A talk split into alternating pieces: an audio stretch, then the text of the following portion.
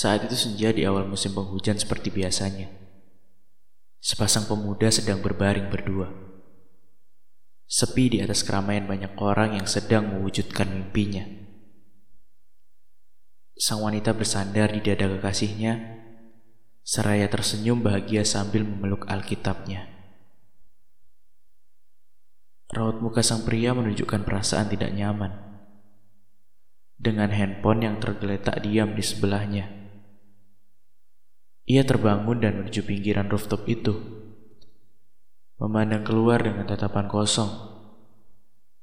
Kemudian ia menoleh ke belakang sambil berkata, Kayaknya kita harus udahan deh.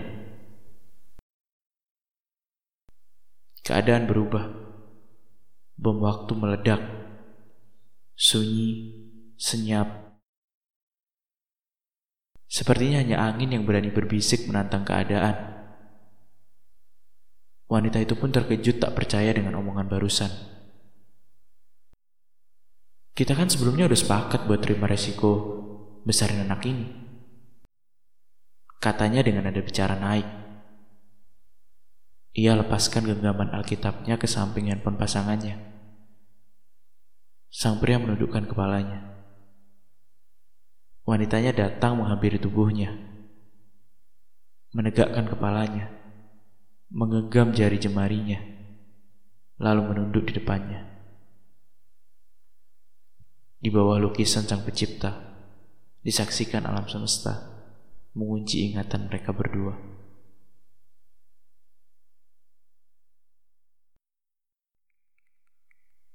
Sinar senja kala itu kalah, tersapu oleh dinginnya angin malam. Di tengah leburan semesta mereka, Smartphone keluaran Cina itu bergetar, lalu membunyikan suara azan.